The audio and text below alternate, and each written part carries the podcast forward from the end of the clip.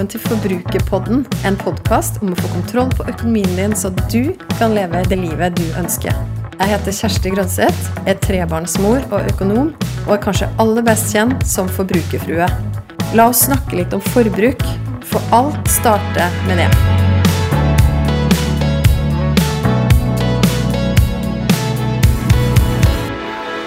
Hei, du hører på Forbrukerpodden, og det her er Kjersti. Vel overstått nasjonaldagsfeiring. Når jeg spiller inn denne episoden her, så har jo ikke 17. mai vært ennå, men episoden slippes 06.00 18. mai. Så da har vi altså feira 17. mai igjen. For første gang føles det ordentlig på flere år. Jeg er sikker på at jeg har grått meg gjennom store deler av dagen. Jeg pleier å bli rørt veldig rørt i sånne anledninger. Så jeg håper du har hatt en fantastisk feiring. Og nå rekker vi å være litt tilbake til hverdagen før det er helg og før det er flere festdager i løpet av mai. Så jeg er her i dag for, og denne uka her for å snakke i Forbrukerpodden om matbudsjett. Et tema som er litt sånn elska og hata. Jeg vet ikke hvilket, du, hvilket, forhold du har til matbudsjett, til ditt eget matforbruk, eller generelt til det her temaet. Det jeg vet, er i hvert fall at når det er snakk om det, så er det masse sterke meninger, ofte. Og for min egen del så var det jo på mange måter der det begynte for meg. Jeg har snakka mye om å spare penger på mat. Jeg har gitt ut en e-bok om det.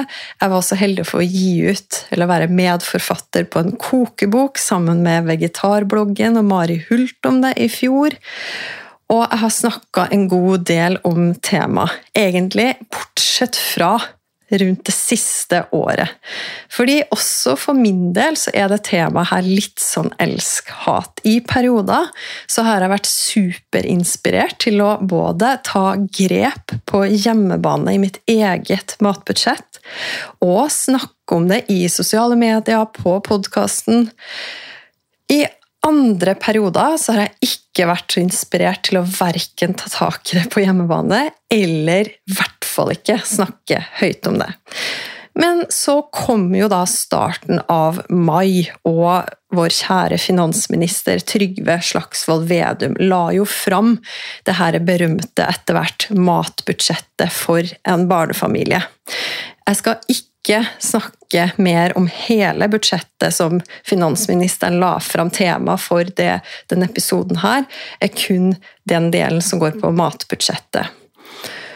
Og hvis du har fått med deg litt av debatter i media da, de siste par ukene, så har du jo fått med deg at det her har jo finansministeren og Finansdepartementet vært veldig sterkt kritisert for. Fordi veldig mange gikk ut tidlig, inkludert mange økonomer, og sa at det her var et urealistisk budsjett. Her har han foreslått et snittbudsjett for en barnefamilie som ligger ganske langt under det som SIFO som ofte refereres til som et referansebudsjett, som også brukes i ulike sammenhenger når man skal fastsette hvor mye man faktisk trenger å bruke i måneden på mat. Så lå jo Vedum sitt budsjett ganske langt under SIFO, og det her skapte jo reaksjoner. Uansett, det trigga hos meg Først så trigga det jo en nysgjerrighet på å få med meg å lese nyhetssaker om hvordan det budsjettet her var bygd opp, og også de familiene som ganske raskt gikk ut og sa at hei, vi er en barnefamilie som ikke har sjans til å skulle bruke det som Vedum foreslår. Og så var det jo debatt Debatten på NRK, som jeg også så på. Der hadde man jo også ulike gjester. Bl.a. de som viste fram hvordan Vedum sitt budsjett ville se ut helt konkret i en matkasse fra Oda. Samme kveld så blei jeg supernysgjerrig på vårt eget matforbruk, og hvordan det egentlig står til med det om dagen. Fordi For å være helt ærlig så hadde jeg ikke hatt supertrack på det de siste ukene, ei heller de siste månedene. Jeg visste at vi hadde satt av en fast sum. Vi begynte å sette av 6000 til matbudsjett. På et tidspunkt så satte vi av 7000 til matkontoen vår på et tidspunkt, men jeg hadde en følelse av at det her ikke strakk til. Og jeg vet jo at vi i vår familie ofte har likt å sette et ganske lavt budsjett for vår egen del, nettopp for å bygge opp under de gode vanene som handler om planlegging og prioritering. Men så har det nesten kommet til et punkt der det var demotiverende å ha et såpass lavt budsjett, når vi uansett måtte overføre fra andre kontoer kanskje halvveis eller i hvert fall tre fjerdedeler ut i måneden. Så jeg var veldig nysgjerrig, og det var det som trigga meg nå til å bli litt opptatt av det her med matforbruk og matbudsjett igjen. Så bare for å ta en kjapp recap og oppsummering på de tallene som vi snakker om her. Vedum sitt budsjett det regna jo for en barnefamilie, så var det ikke nødvendigvis spesifisert sammensetningen, da, men med to voksne og to barn. Og kun mat og drikke. Da regna de ut at man skulle kunne klare seg på 91 300 i året, dvs. Si ca. 1760 i uka. SIFO Da har jeg brukt vår familie som eksempel, som er da to voksne. Og vi har tre barn i alderen tre til åtte. SIFO sier da at vi skal eller vårt referansebudsjett er 11.317 i måneden. Det vil Si ca. 2600 i uka. Og ganske mye høyere, altså. Litt nesten 900 kroner høyere enn Vedum sitt budsjett. Så jeg var nysgjerrig da på hva vi lå på, vi i vårt forbruk. Så jeg tok utgangspunkt og så på alle våre tall fra januar til april. Og da gikk jeg meget grundig til verks. For ja, vi har jo denne matkontoen vår med et eget matkort, som er en hack som jeg anbefaler alle å gjøre. Først som sist, det å ha et eget matkort med en konto som gjør det da lett og lettere å kunne følge opp og gå inn og se hva har man faktisk brukt. Det hører litt med til historien vår her at det har også sklidd litt ut. Fordi de som kjenner meg, de vet at Og det her tror jeg er en sånn egenskap med meg som kanskje bare har blitt verre ved åra.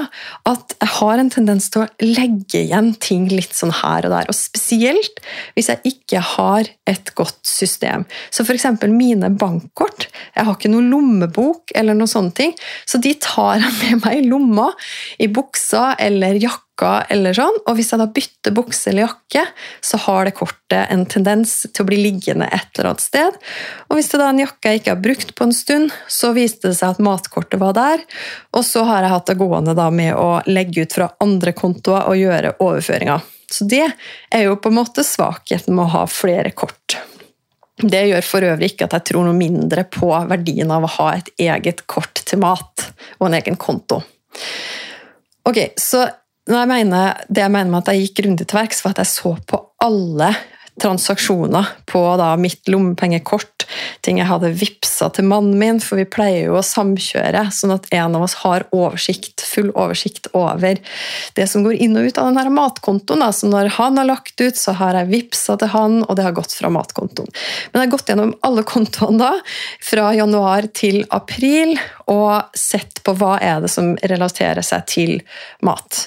Og det skal sies at det var ikke lett for meg da å skille mellom mat og andre dagligvarer dagligvarer, altså både Vedum og SIFO og de tallene som jeg snakka om i sted, de handler jo bare om mat og drikke, og ikke andre dagligvarer. Så når jeg skulle gjøre oppsummeringen vår, så var det ikke lett å skille seg. Måtte på en måte ta full pakke med mat og andre dagligvarer.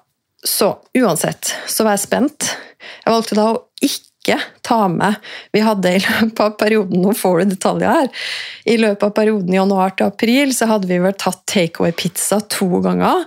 Og så hadde vi vært én gang på Burger King med familien. Men det valgte jeg da å ikke ta med i når jeg skulle regne på matforbruket vårt. For det var jo litt sånne spontane ting vi hadde gjort, som vi i utgangspunktet Jeg tror nok vi hadde mat hjemme så vi kunne klart oss, men vi valgte altså litt lettvinte løsninger de tre gangene.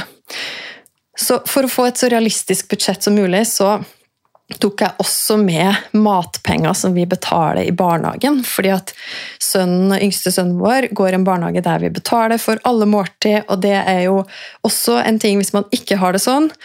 Så må man jo gjerne sende med ekstra mat i barnehagen. Så jeg har tatt med det og regna ut hvor mye det utgjør.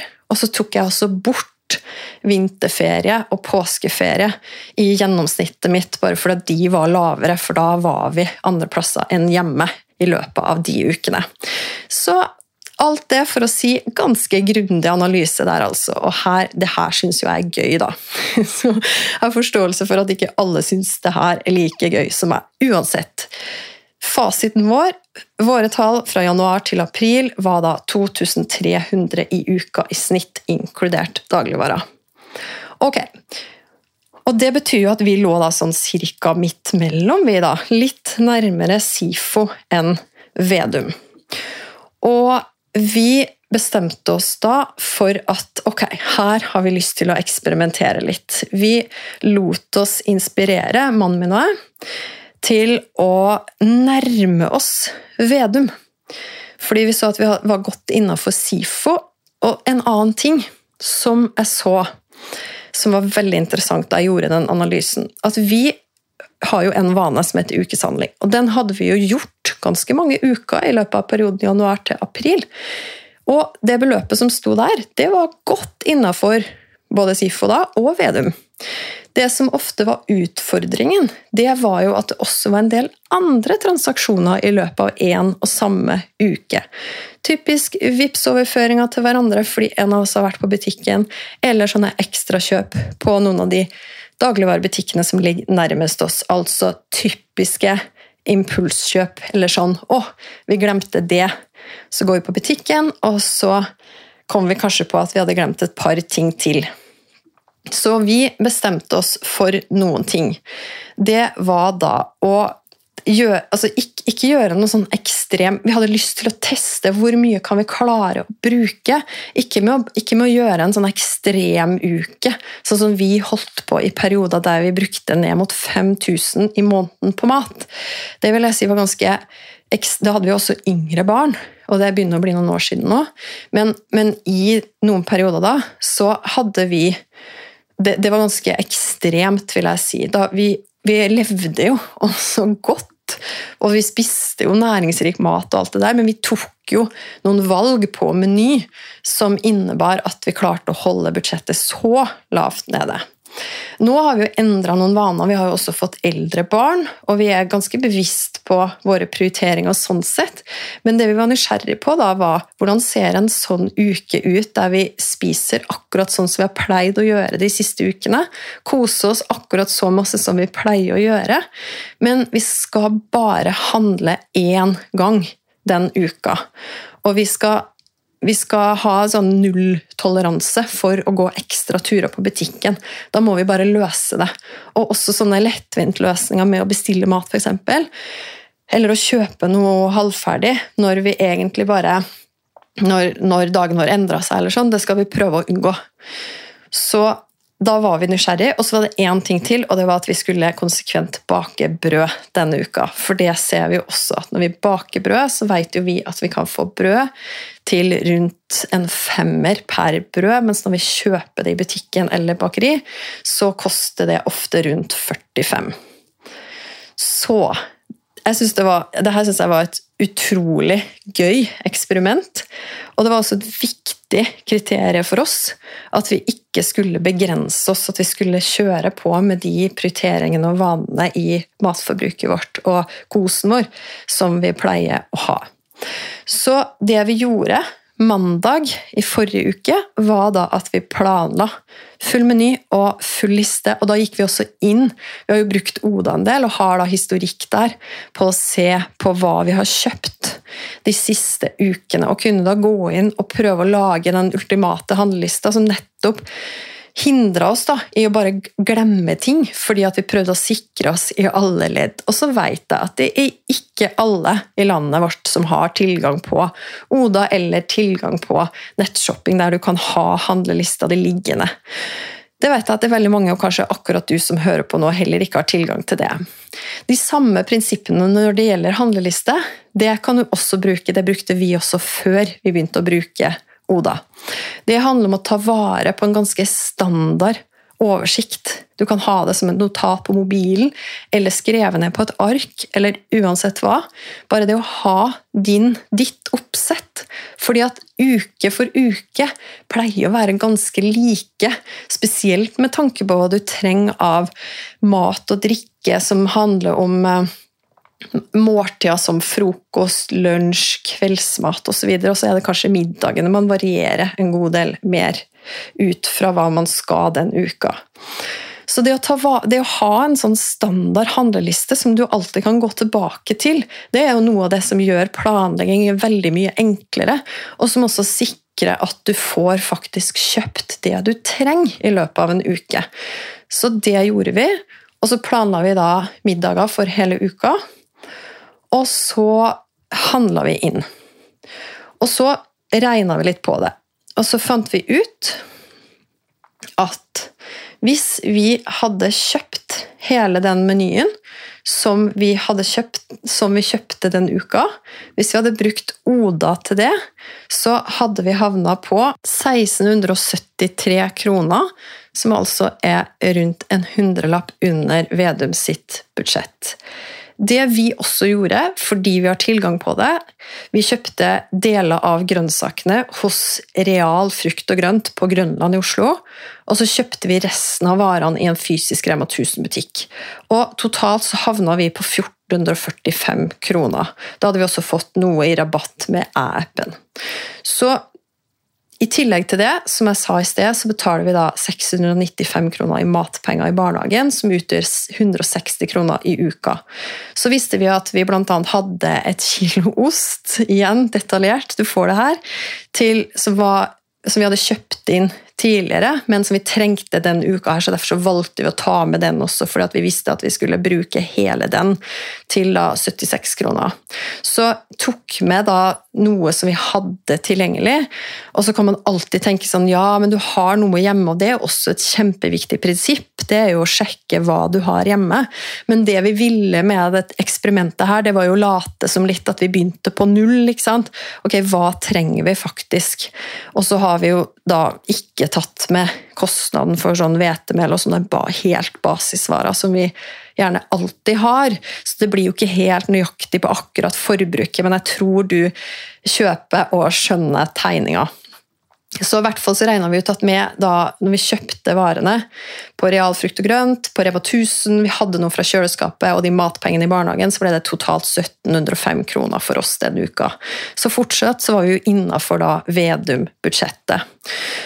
Så hva er poenget med alt det her, da? Jo, poenget er jo at for oss så blei det her et utrolig gøy og viktig eksperiment som viser oss at når vi sammenligner med oss sjøl, så har vi da på én uke, med den bevisstheten som vi hadde denne uka her, havna nesten 600 kroner ned fra snittforbruket vårt per uke i perioden januar til april. Og vi var bevisst både da vi planla alt, som jeg sa, vi sørga for å gå gjennom flere handlelister tilbake og se på ok, har vi sørga for å fått med oss alt som vi faktisk trenger her. Vi var også bevisst da vi f.eks. kom til torsdag og vi egentlig skulle ha fiskegrateng, men ikke rakk å lage det den dagen. Istedenfor da å stikke på butikken ens ærend for å hente en kjapp løsning, så tok vi ostesmørbrød med skinke og ost som vi hadde fra før, og med litt grønnsaker. Og det ble også en kjempefin middag. Så vi eide prioriteringene våre da, den uka. Det var viktig for oss å ikke ta den ekstra turen på butikken bare fordi at hverdagslogistikken vår bød på noen utfordringer akkurat den ene dagen. Og så er det jo sånn at når vi snakker om det at for oss så var jo det her noe vi sparte ganske mye på, faktisk. Og det, jeg, det, som jeg syns er gøy med akkurat matbudsjettet, er at for det første så syns jeg jo det er viktig at et matbudsjett det skal jo dekke alt det essensielle. Det skal jo også være variert nok og dekke inn sånn at du får i deg det du skal ha i løpet av en uke. Men utover det da, så er også, så er også matbudsjettet og hvordan man rigger seg rundt det, en ganske god test på om man ønsker å ha noen tydelige vaner i hverdagen som man også følger opp. Som jo nettopp handler om planlegging og prioritering. Og for oss, når vi viser at vi da kan spare 600 kroner, så går det for oss litt inn i kategorien. Og for å sitere en amerikansk forfatter og journalist som har skrevet en bok som heter Save Big, og hun har hatt et sitat som er oversatt til norsk, som er som følger Spar penger på de store, kjedelige tingene, slik at du har penger til overs for livets små gleder. Nå kan det jo hende at du tenker at ja, men mat det er jo faktisk en av livets små gleder. Men når det handler om det derre jevne forbruket, og som handler om hvis vi bare planlegger det, hvis vi bare prioriterer hva som skal stå på den handlelista, og faktisk følger opp, så er det mye å hente som egentlig er strengt tatt, hvis man ønsker da, unødvendig å bruke penger på. Og at du dermed da har mer til overs for andre ting. Hvis det er sånn for din del at du faktisk setter pris på den fleksibiliteten. Eller kanskje du til og med har matkasse, som er mye dyrere enn et Vedum-budsjett, fordi at det passer deg og din logistikk. Ja, men da gjelder jo ikke de rådene her for deg på samme måte, og det er jo også fullstendig klar over.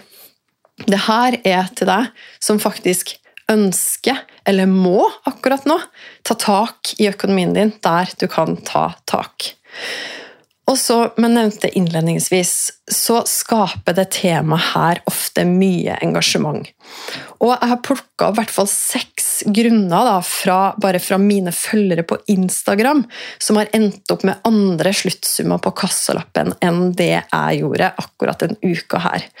En ting som har vært ganske mye debattert, det er bosted. Og der er jeg veldig klar over og veldig ydmyk på at når vi bor såpass sentralt som vi gjør, så har vi tilgang på større utvalg kanskje av type grønthandlere. Jeg nevnte jo at vi handla på en frukt- og grøntbutikk på Grønland, som jo bugner over av butikker som har spesialisert seg på grønnsaker og frukt, og også innkjøp av det, som gjør at du får veldig lave priser og god kvalitet på produktene. Det er jeg klar over, og så er jeg også klar over at vi har tilgang på de lavprisbutikkene som vi ønsker, inkludert da Oda, som jeg nevnte.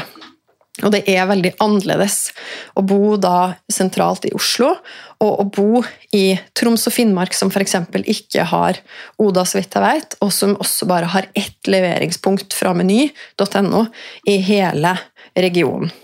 Og det er jeg veldig ydmyk overfor og klar over. Og da, det, Bosted er jo én ting, det andre er jo da valg av butikk. og Det var jeg jo litt inne på, det er jo ofte kobla til bosted og hvilke tilbud du har rundt deg der du bor. En tredje grunn er antall barn, åpenbart. En fjerde er alder på barn. Og det er også viktig, og det ser jo vi også. Det er jo ikke sånn heller at matbudsjettet øker sånn gradvis med alderen. Nei, det kan hende at du kommer til et punkt der det gjør et skikkelig hopp fordi at barna dine blir eldre, eller fordi du endrer på vaner i takt med at barna blir eldre.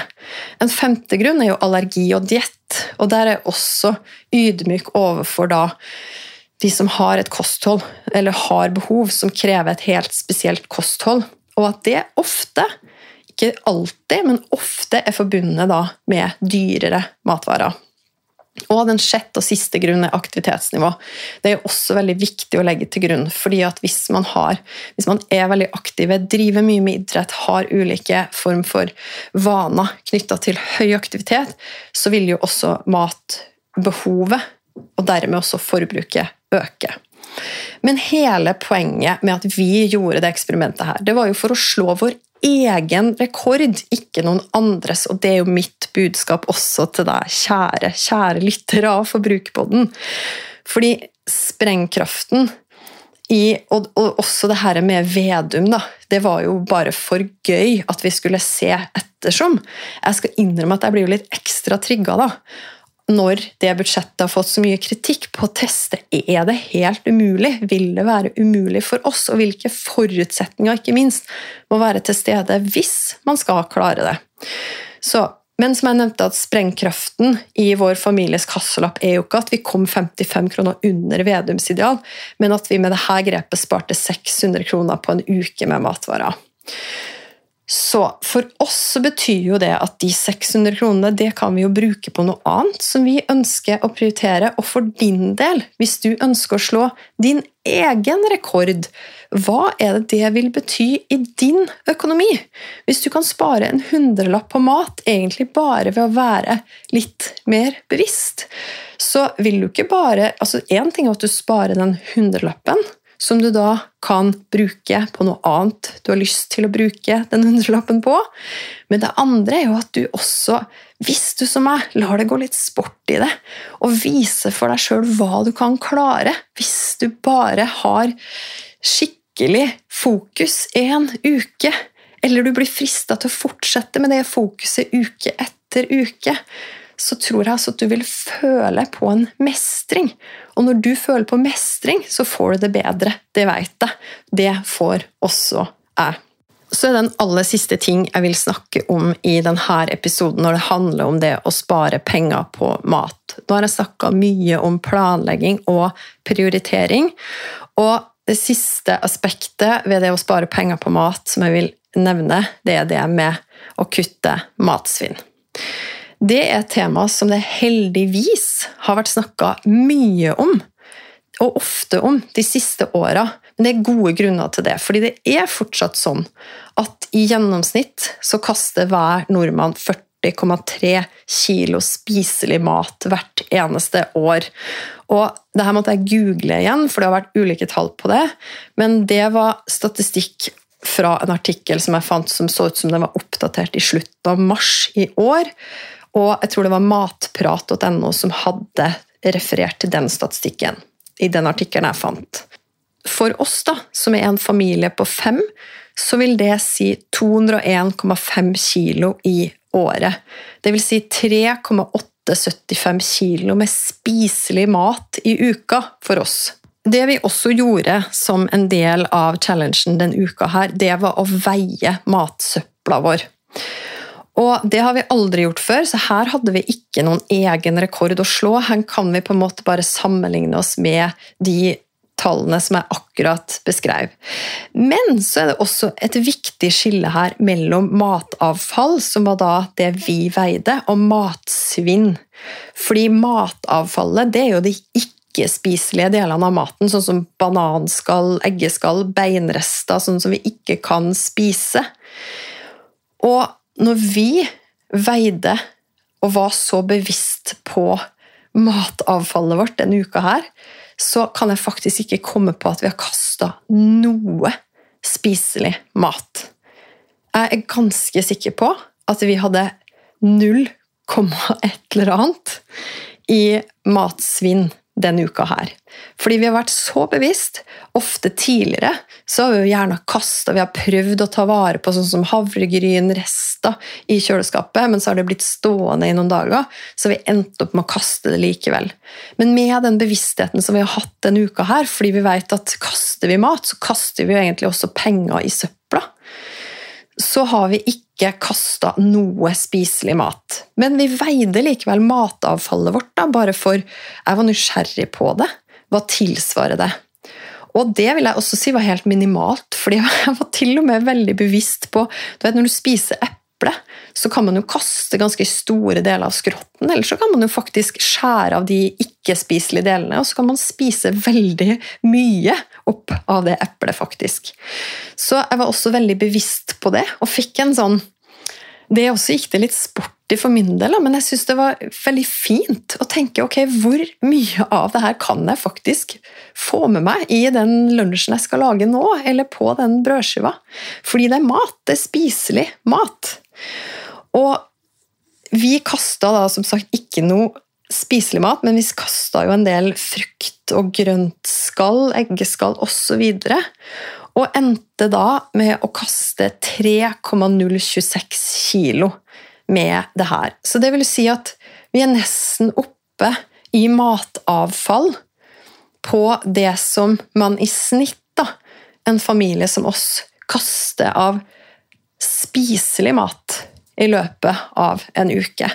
Og det for meg, det ble helt drøyt å tenke på. Og så veit jeg at grunnen til at man ofte kaster mat, det er jo fordi at datoen har gått ut. Eller at, vært, at mange har, i hvert fall fram til det her begynte å bli veldig mye bevisstgjøring rundt det, så tror jeg mange har hatt litt sånn datoskrekk og kasta ting. Kanskje gjerne også som det står 'best før' på. Nå har det jo også heldigvis skjedd noe med merkinga, så nå står det jo 'best før', ofte god etter på veldig, veldig mange matvarer. Men her har vi jo lært av sånne fine folk som f.eks. spiser opp maten på Instagram, at man kan se, luk se, lukte og smake seg fram til om maten fortsatt er god. Så det er jo én ting man kan gjøre. Og så syns jeg også det er interessant da, når man leser litt rundt det med matsvinnet, at det er jo ofte også sånn at vi kjøper inn mer mat enn vi trenger. Så min utfordring til deg nå da, er jo Det henger jo veldig godt sammen med det jeg snakka om i denne episoden her. Det med å ha oversikt over hva du i en standard uke trenger. Og ha den oversikten så lett tilgjengelig at når du skal planlegge for en ny uke, så ser du og setter opp den samme oversikten. Og det første du sjekker da, er selvfølgelig har vi noe av det her tilgjengelig allerede. Og så er det sånn at rester fra f.eks. middag er noe av det vi kaster mest av. Og Jeg har også snakka med flere av, av, eh, dere som hører på Forbrukerpodden, eller som jeg har snakka med på Instagram, eller sånn, som sier at å, men kan man ta vare på det? da? Kan man ta vare på spagetti eller pasta eller sånne ting? Og med riktig oppbevaring av rester, så er svaret veldig ofte ja, det kan du. Så det får være litt hjemmelekse til deg. Hvis du er usikker, ta og sjekk det med et raskt nettsøk, og finn ut hvordan du kan oppbevare den maten du er usikker på om du kan ta vare på, eller om du må kaste. I den episoden her så har du fått en ganske detaljert gjennomgang fra meg av vår egen Vedum Challenge. Da vi altså prøvde oss på å eksperimentere hvor nærme kunne vi komme finansministeren sitt matbudsjett. Det jeg håper du sitter igjen med etter denne episoden, er ikke først og fremst hvilke summer vi har brukt, men hvilke grep vi har tatt. Og da snakker jeg om de grepene som er relevant for deg, uansett hvor du bor, og uansett hvilken livssituasjon du er i. Det handler om å gå inn og se på ditt eget forbruk de siste ukene og siste månedene. Hvis du, sånn som jeg var, er nysgjerrig på hva du ligger på akkurat nå i matforbruk, og så handler det om å planlegge og prioritere det du kan, og følge opp den planen når du kommer til uka du har planlagt for, sjøl om det kanskje skjer små justeringer i logistikken. Og hvis du er nysgjerrig på hvor mye mat du kaster i løpet av ei uke, så anbefaler jeg deg å gjøre det samme som jeg gjorde. Bestem deg for å veie matsøpla di, fordi jeg garanterer deg at det gjør deg mer bevisst hver eneste gang du tenker å putte noe i søpla, kan hende du stopper opp i øyeblikket og spør deg sjøl vent litt, det her er jo egentlig spiselig, det trenger jeg jo ikke å kaste.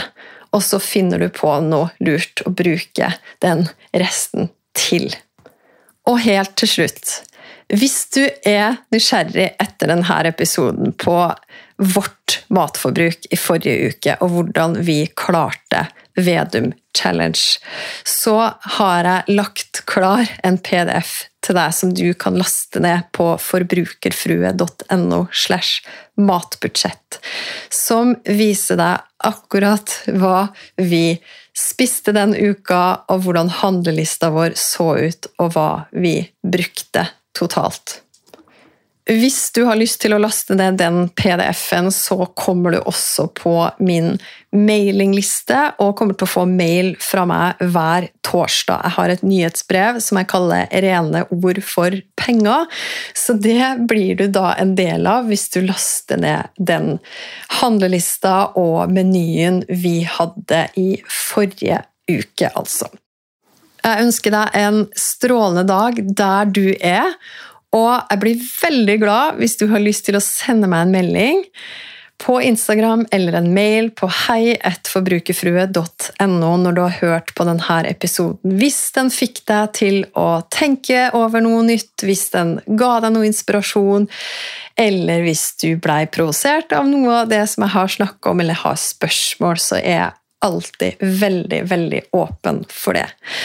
Da ønsker jeg deg en fortsatt god uke, og husk å bruke pengene dine på noe som gir deg glede. Jeg vil gjerne vite hva du tenker etter å ha hørt episoden.